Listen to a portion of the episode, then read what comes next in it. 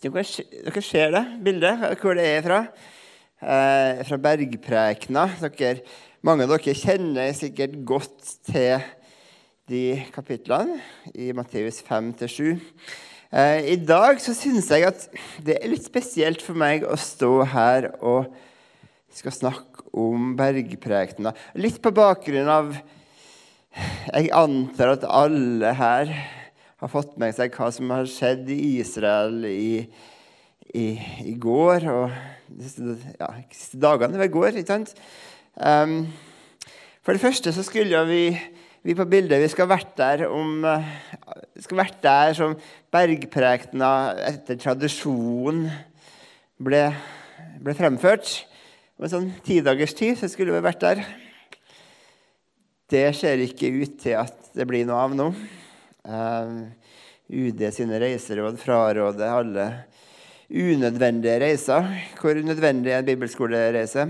Uh, en del av de unødvendige, kanskje. Iallfall i UD sine øyne.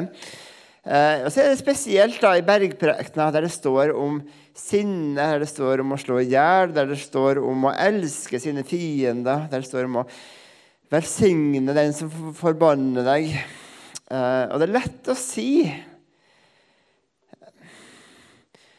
Men i, i møte med, med, ondskap og grusomheter så, så, er det enda vanskeligere å utføre.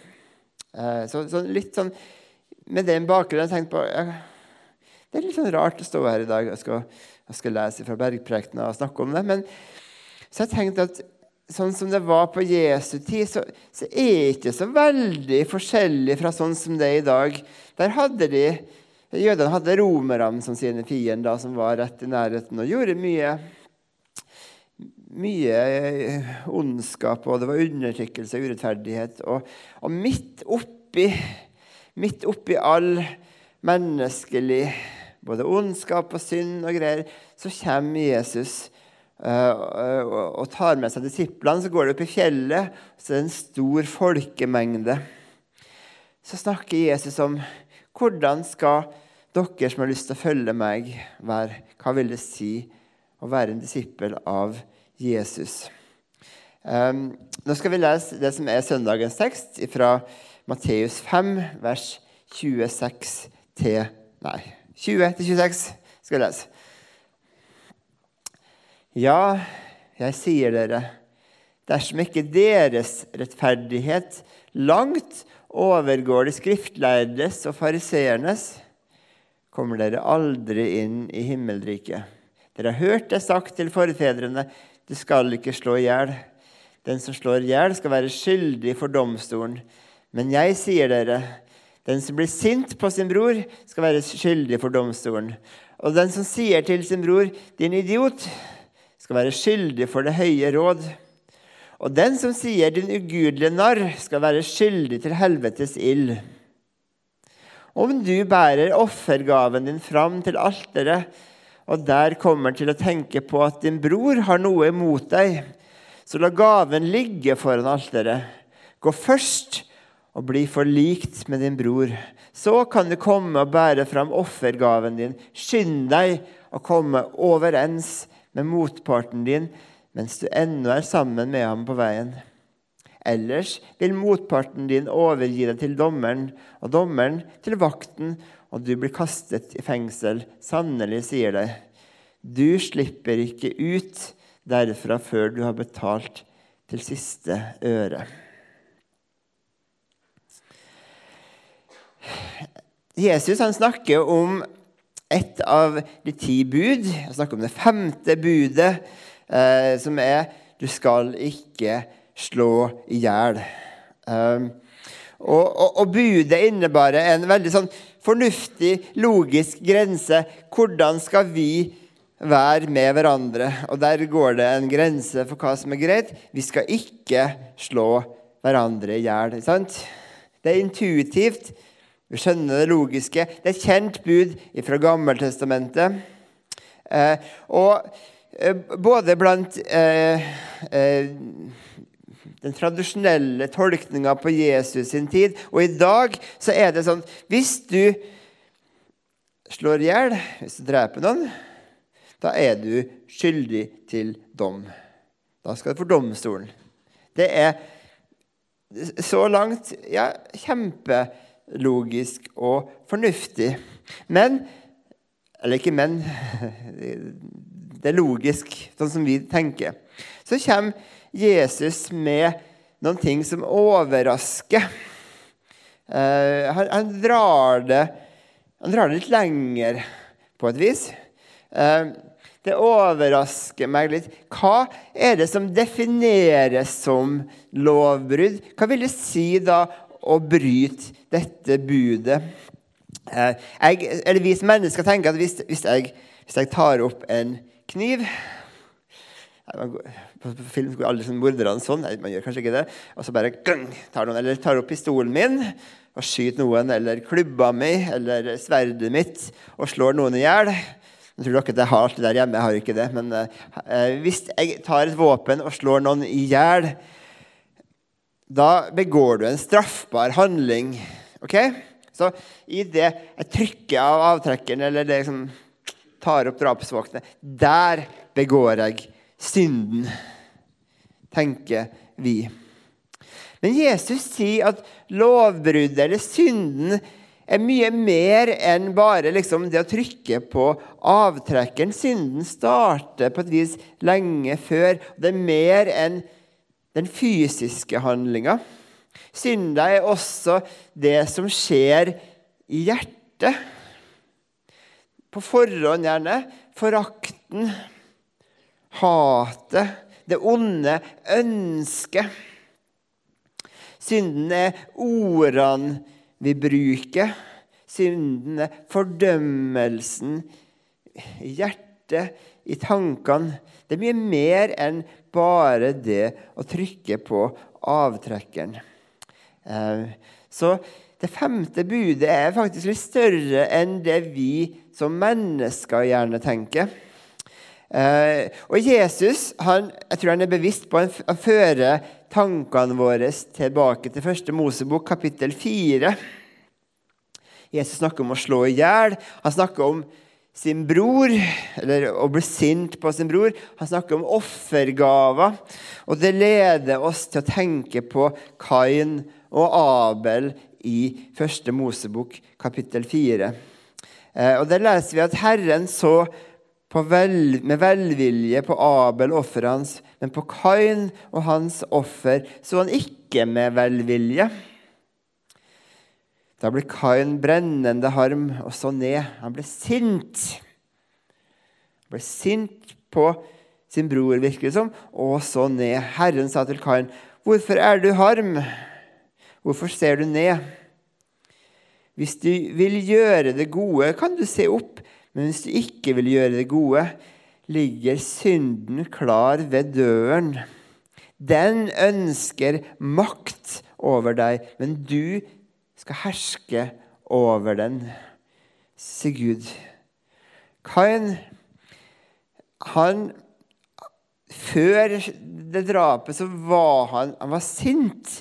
Og det sinnet, det hatet, den fordømmelsen her inne fikk makt over han til at han utførte drapet. Lovbruddet i hjertet fikk makt over han, og det førte til disse konsekvensene, til, til selve utførelsen av drapet. Så, så Jesus han sier at lovbruddet starter her.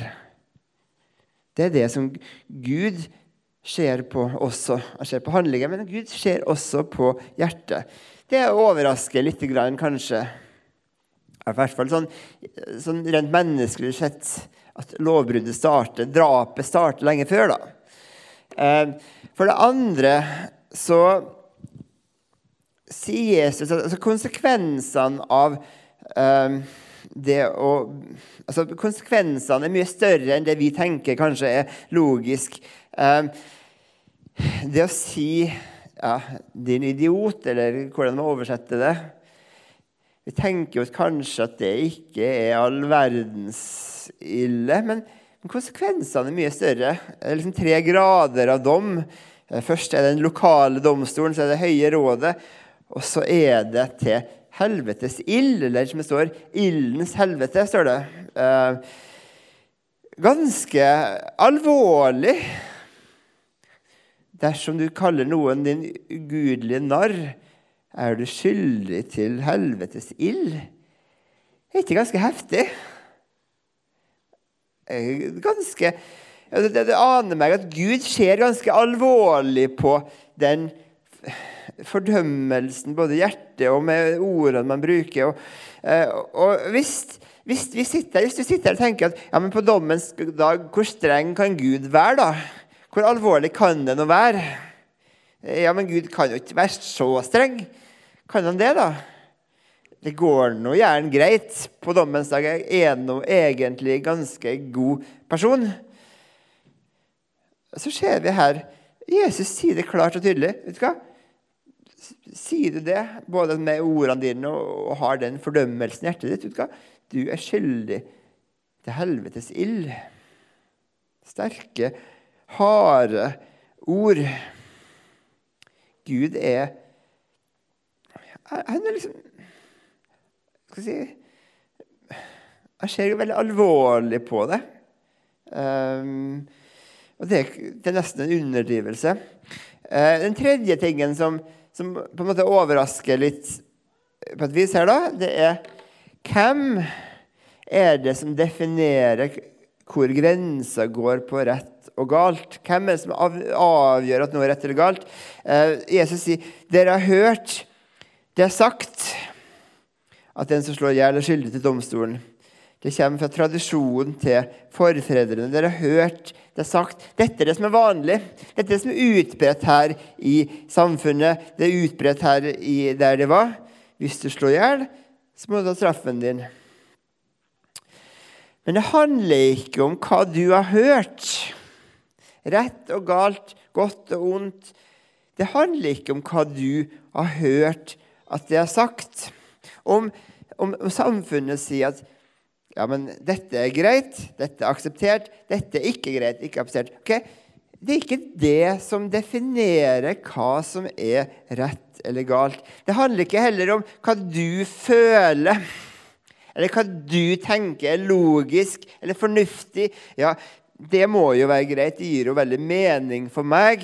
Det er rett, det er galt. Eller det føles helt urimelig at det er rett, og det føles helt urimelig at det er galt kan vi tenke at ja, sånn må det jo bare være. Det er jeg som definerer hva som er rett og galt. Men skal Jesus si Du har hørt det sagt, men jeg sier deg. Det er jeg faktisk som definerer spillereglene. Okay? Jeg definerer hva eh, lover og regler som gjelder til slutt. Du kan, du kan, leve, du kan bestemme deg for å leve etter egne spilleregler. Du kan bestemme deg for å tenke ok, jeg mener at dette er rett, og dette ikke er rett, og dette er galt. Og du kan leve etter det. Men til syvende og sist, på dommens dag i hvert fall, så er det Guds spilleregler som gjelder. Det hjelper ikke hva Du har hørt det sagt. Det hjelper ikke hva folk flest mener. 19 av 20 nordmenn tenker at det er helt greit. Ok, Da er det vel gjerne greit, da. Nei. Det er Jesus som definerer eh, spillereglene. Det er Jesus definerer hva som er synd, og hva som ikke er det. Det å følge Jesus det handler om å la Jesus definere hva er det som er greit og ikke. Um, og jeg tror at hva, hva, vil, hva, hva er Jesus sitt budskap til, til de som var eh, oppe i fjellet her i Galilea? Hva er Jesu budskap til meg og til deg i dag? Jeg tror at det Jesus vil, er at meg, og jeg tror han kaller deg, det er omvendelse. Jeg tror at budskapet er jeg vil at dere skal vende om. Uh, og omvendelse det handler ikke om å bare ta seg sammen og bli et bedre menneske. Omvendelse handler om et endra sinn. Okay? eh, omvendelse betyr et endra sinn. Det er det det handler om. Han vil endre tankegangen, han endrer våre verdier, våre perspektiver på ting. Eh, så jeg tror at her er det en del perspektiver som vi kalles til å vende om på. Og la Jesus og la Bibelen få definere hvordan vi ser på en del ting. Um, Jesus kom for at vi mennesker skulle vende om. Eh, Jesus sa jeg er ikke kommet for å kalle rettferdige, jeg er kommet for å kalle syndere til omvendelse. Derfor har jeg kommet.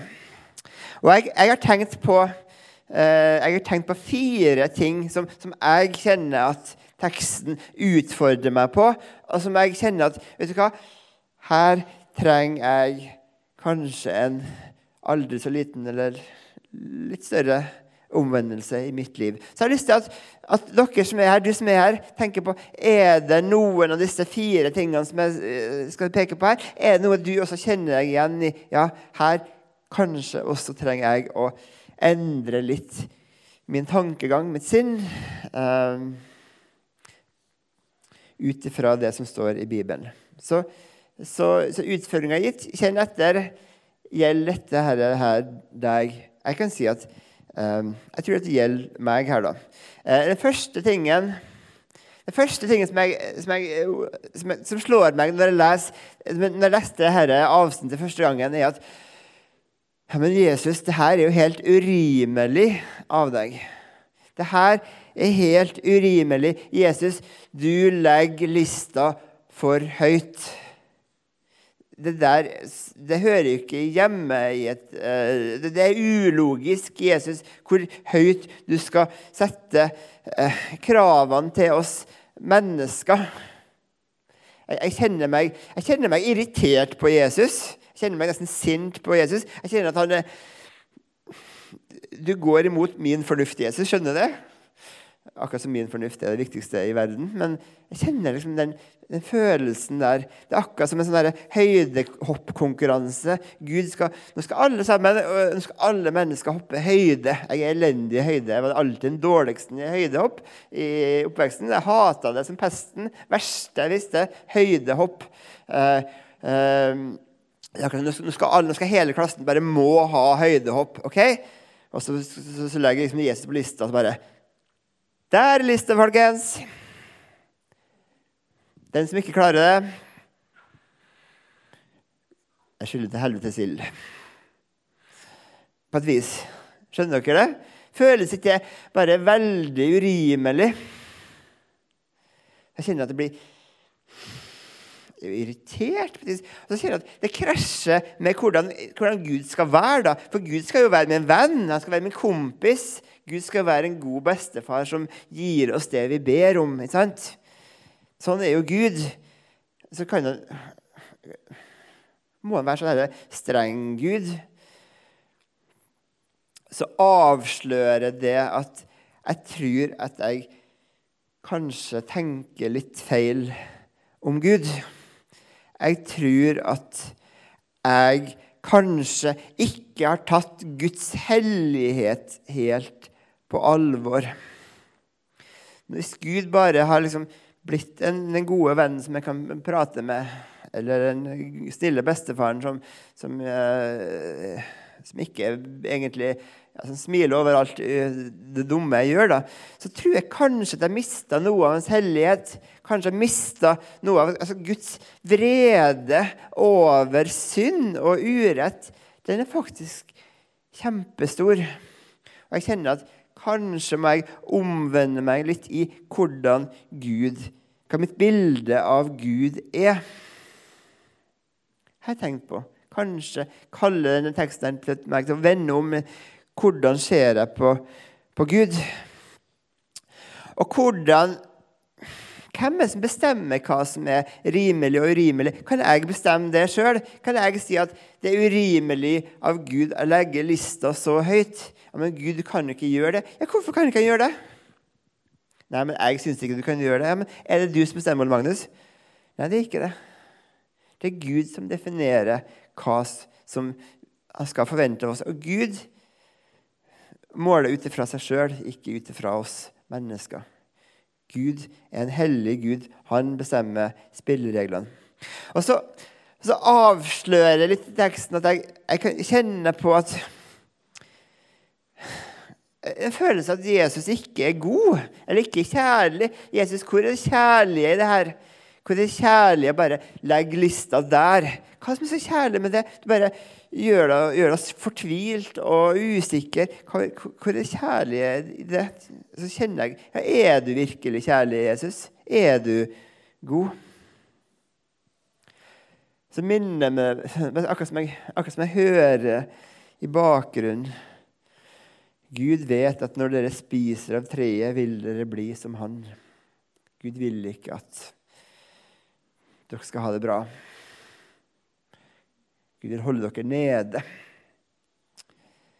sier slangen i Edens hage. Um, det er en løgn fordi at Gud vil det beste. Det beste er å legge lista på det som er godt. Alt annet er ikke godt. Gud ser også det store bildet. Um, Gud, dette er godt. Jeg trenger å vende meg om fra disse løgntankene om Gud. Jeg, kjenner, jeg kjenner det avslører meg. Hvordan tenker jeg om Gud? Han er faktisk 100% fullstendig hellig og fullstendig kjærlig. Uh, så kanskje flere med meg her som tenker at Eller som kan, kan innse vet du hva? Det er ting i hvordan jeg har tenkt om Gud, som faktisk ikke stemmer med hvordan Gud er. Jeg, det er jeg som trenger å vende meg om i mine tanker. Det andre, det andre som slår meg her, er at det er faktisk veldig viktig å ha fred med min bror. Og Da tenker jeg ikke bare på min ene bror som bor i Sandnes. Jeg tenker på at jeg har mange andre brødre også enn bare min kjødelige bror. Eh, er det noen som har noen ting å anklage meg for? Er det noen jeg ikke har fred med? Er det noen som jeg har gjort noe imot som ikke skulle? Eh, eller noen som jeg burde ha gjort noe imot som jeg ikke har gjort? Det er det. Eh, både i familien og med andre utenfor deg, på jobben sikkert, og mange andre, så, så, så, kan det hende at det er noen som jeg egentlig ikke helt har fred med. Og så, og så kjenner jeg på likegyldigheten i forhold til det. Jeg kjenner meg likegyldig. Ja. Det var noe egentlig helt innafor det jeg gjorde, og det var noe veldig menneskelig det jeg har gjort, eller det jeg ikke har gjort. Eh, så kjenner jeg meg ganske sånn likegyldig til om jeg har fred med min bror eller søster eller kollega eller hvem det er. Det er jo så, jeg er jo ikke noe verre enn alle andre, så hvorfor skal jeg strebe etter å ha fred med min bror? Men Jesus han sier at er det noe uoppgjort mellom meg og en annen person, så påvirker det også relasjonen med Gud. Så du må gjøre det Når du har offergave til Gud, la den ligge. Skynd deg og forlik deg med din bror, sier Jesus. Det har prioritet. Det er første prioritet. Altså, vi tenker, ja, men Det er jo ikke så åndelig. Det er en kjempeåndelig ting. Det er kjempeåndelig om du forliker deg med din bror. Det er en åndelig ting. Det har prioritet. Og det, og det, og det haster. Skynd deg, sier Jesus. Han sier liksom ikke ok, når du har spist frokosten din, og når du har tid, da kan du gjøre det. Han sier skynd deg. Det er viktig. Gjør det mens du ennå er sammen med han på veien. Gjør det mens sjansen er der. En dag så er det for seint.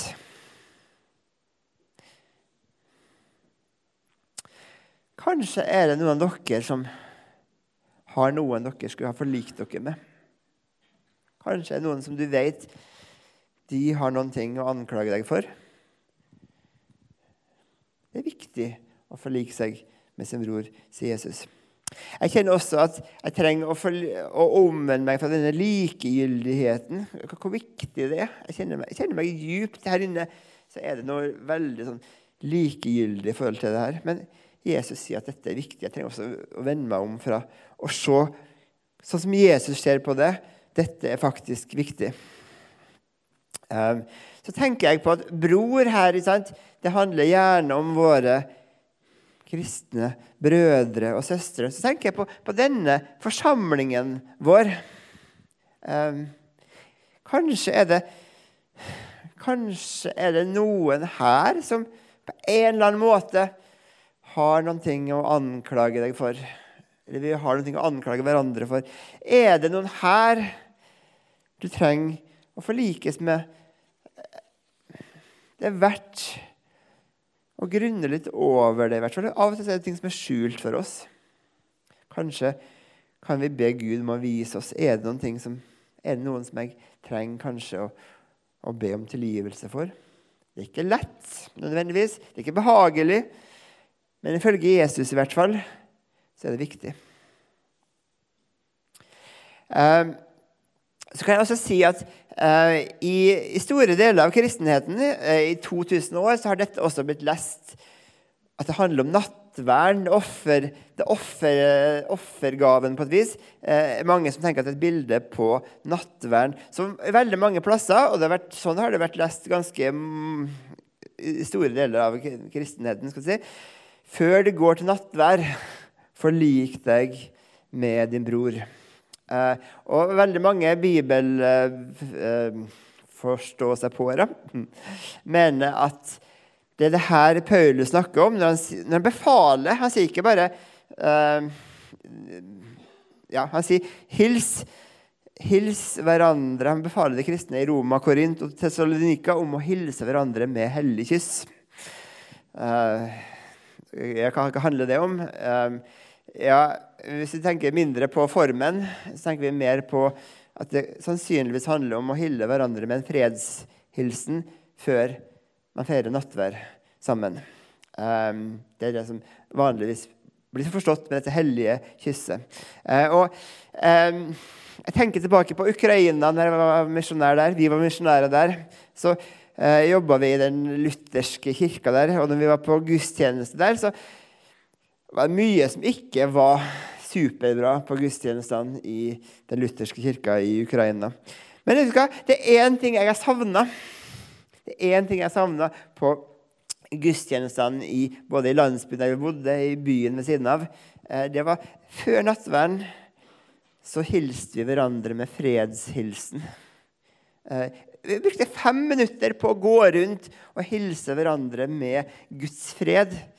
Eh, det var kjempefint. Jeg sa Guds fred til fremmede, og jeg sa Guds fred til de jeg kjenner. Uh, og så ble det sånn, knytta vi oss sammen, vi som var på gudstjeneste. Um, så viser vi at det er fred med hverandre. Det er viktig å ha fred med hverandre. Um, så det er noe som jeg tror um, Jesus kaller oss til omvendelse på.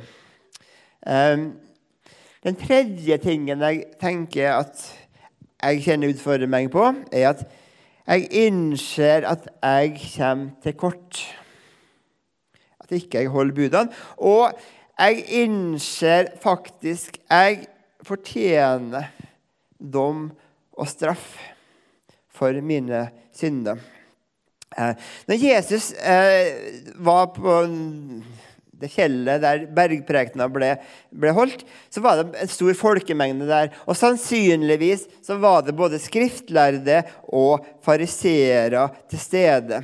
Eh, de skriftlærde var de som kjente til Bibelen. og var veldig, var veldig sånn, Ikke bare kjente til Bibelen, men de, de de kjente til veldig mange ulike tolkninger og forståelser av budene og hvordan man skal holde de og hva det gjelder osv. Eh, mens, og Fariseerne var også veldig opptatt av at vi skal holde budene maks. Vi skal klare det. Eh, så har jeg lest at et av budene da, Du skal holde hviledagen hellig. Eh, så drev fariseerne og diskuterte ja, hva skal jeg gjøre for å holde eller sabbaten hellig? Hva skal jeg gjøre for ikke å bryte sabbatsbudet? Så hadde de regler for hvor mange skritt kan jeg gå. Hvis jeg går færre enn så og så mange skritt, da har jeg hatt hviledag. Hva klær kan jeg ta på meg? Kan jeg ta på liksom, arbeidsklær? Skal det være finklær? Eller jeg, er, det, jobb å ta på meg klær?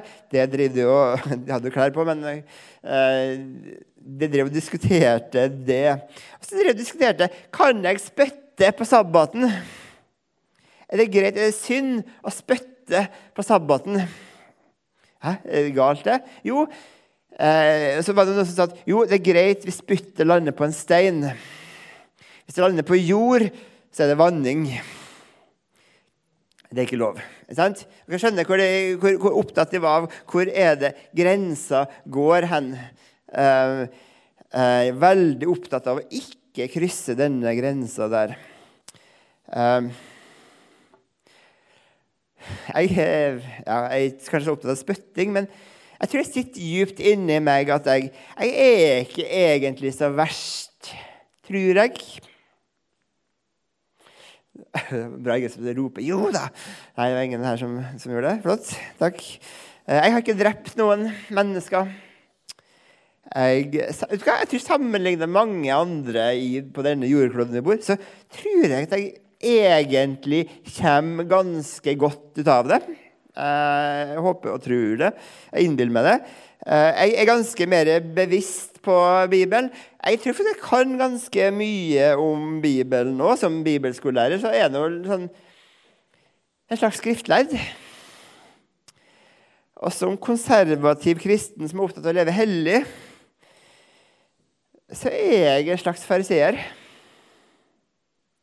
Jeg kjenner at jeg har både den skriftlærde og fariseeren i meg et eller annet sted her. Um, det er meg. Og så sier Jesus Dersom ikke deres rettferdighet langt, langt overgår de skriftlærdes og fariseernes, kommer dere aldri inn i himmelriket. Dersom deres rettferdighet ikke bare langt overgår Ron Magnus sin. Kommer ikke inn i himmelriket.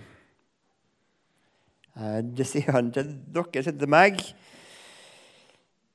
Og det, kanskje, det, var kanskje en kamel å svelge på den tida. Kanskje en kamel å svelge i dag. Hvis det var en kamel å svelge da, kanskje en bil å svelge i dag. da. Hvis man kan si det. Um, så sier at det, det handler vet du hva? Det handler om hjertet. Det handler om hjertet. Det handler ikke bare om å ha drept. Det handler om hjertet. Så er, så er Guds ord som et speil. Guds ord som et speil som jeg speiler meg i. Så innser jeg, når Jesus viser hvordan det speilbildet mitt faktisk ser ut, at jeg kommer til kort i tanker, ord, gjerninger. Det jeg har gjort, det jeg har forsømt. Jeg kommer til kort. Og ikke bare kommer til kort. Ifølge Jesus er jeg skyldig til dom. Jeg er skyldig til dom. Og ikke bare litt om, veldig dom. Um, jeg trenger Vet du hva? Jeg trenger å vende meg om til å tenke at det er situasjonen. Det er sannheten om mitt liv. Jeg kommer til kort. Jeg er skyldig til dom. Og Hvis ikke du har tenkt det om deg sjøl, så tror jeg at det er det denne teksten kaller deg til å vende om, til at du faktisk innser du kommer til kort, vil jeg tro. Om ikke dette budet, andre bud. Og så har du brutt det. Vet du hva? Du er også skyldig til dom. Um, hvis jeg ikke kjenner på anger eller sorg over min syndighet, hvis jeg ikke kjenner meg faktisk fortvilt over hvordan ting er i meg sjøl, så vet jeg faktisk ikke om jeg har vendt skikkelig om. Bibelen kaller meg til Bibelen kaller meg til anger.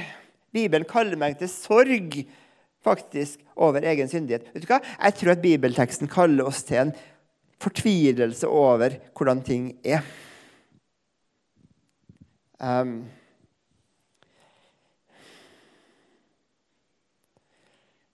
hvis jeg ikke kjenner på sorg over min situasjon, så er det kanskje noe som ikke er helt sunt.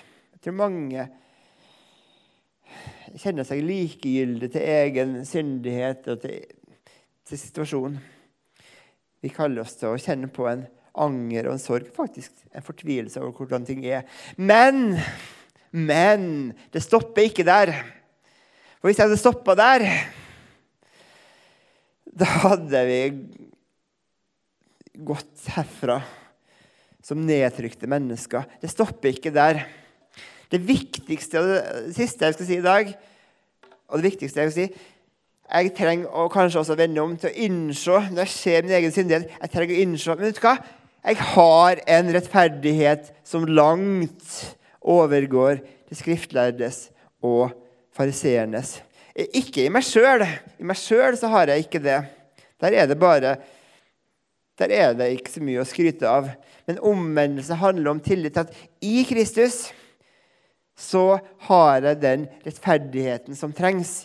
I Han så står det faktisk bra til. Så er jeg hellig, jeg er god, jeg har holdt budene fordi at Jesus gjorde det. Jeg får tilregna det som Jesus har gjort. Det handler ikke om min rettferdighet, det handler ikke om hvor god du er. Det handler om at tror du på Jesus, så får du tilregna hans hellighet og rettferdighet. Det er evangeliet. Så den viktigste omvendelsen vi trenger å gjøre, er innse det at du har i Kristus den fullkomne rettferdigheten. Det står bra til med din sjel. Du har evig liv. Himmelriket er åpna for deg. Om du kjenner at samvittigheten din anklager deg for noe du har gjort mot din bror, om du strever med å få gjort opp Det er så viktig å få gjort opp, men du kjenner at oi, det står ikke helt bra. Vet du hva? Likevel, i Kristus så har du den fullkomne rettferdigheten i Han. Jesus snakka om at hvis ikke vi gjør opp med din bror, så skal du komme kaste for dommeren og vakten, og du skal betale det siste øret. Vet du hva? Det er en som har blitt overlatt til dommeren. Det er en som har betalt til siste øre for at du skal slippe det. Det var en som har gjort det. Det er Jesus. Og derfor er straffen betalt. Du har rettferdighet. Himmelske Far. Eh, bare takke deg for de ordene eh, vi har fått i Bibelen, og selv om det utfordrer meg, så tror jeg at det er godt, det du sier. Det er godt budskap du kommer med. Eh, både at vi skal vende om og tenke sant om oss sjøl. Både det som er negativt, men også hva vi har i deg, Jesus. Du ser hver enkelt her hva, hva vi trenger i vår omvendelse. Du ser hvor, hvor utfordringa er for hver enkelt. Må du, Hellige Ånd, komme og gjøre ditt verk i oss. Hjelp oss til å bli mer lik deg, Jesus, i våre tanker. Hjelp oss til å tenke rett og sant om deg, om meg, om oss, om hverandre.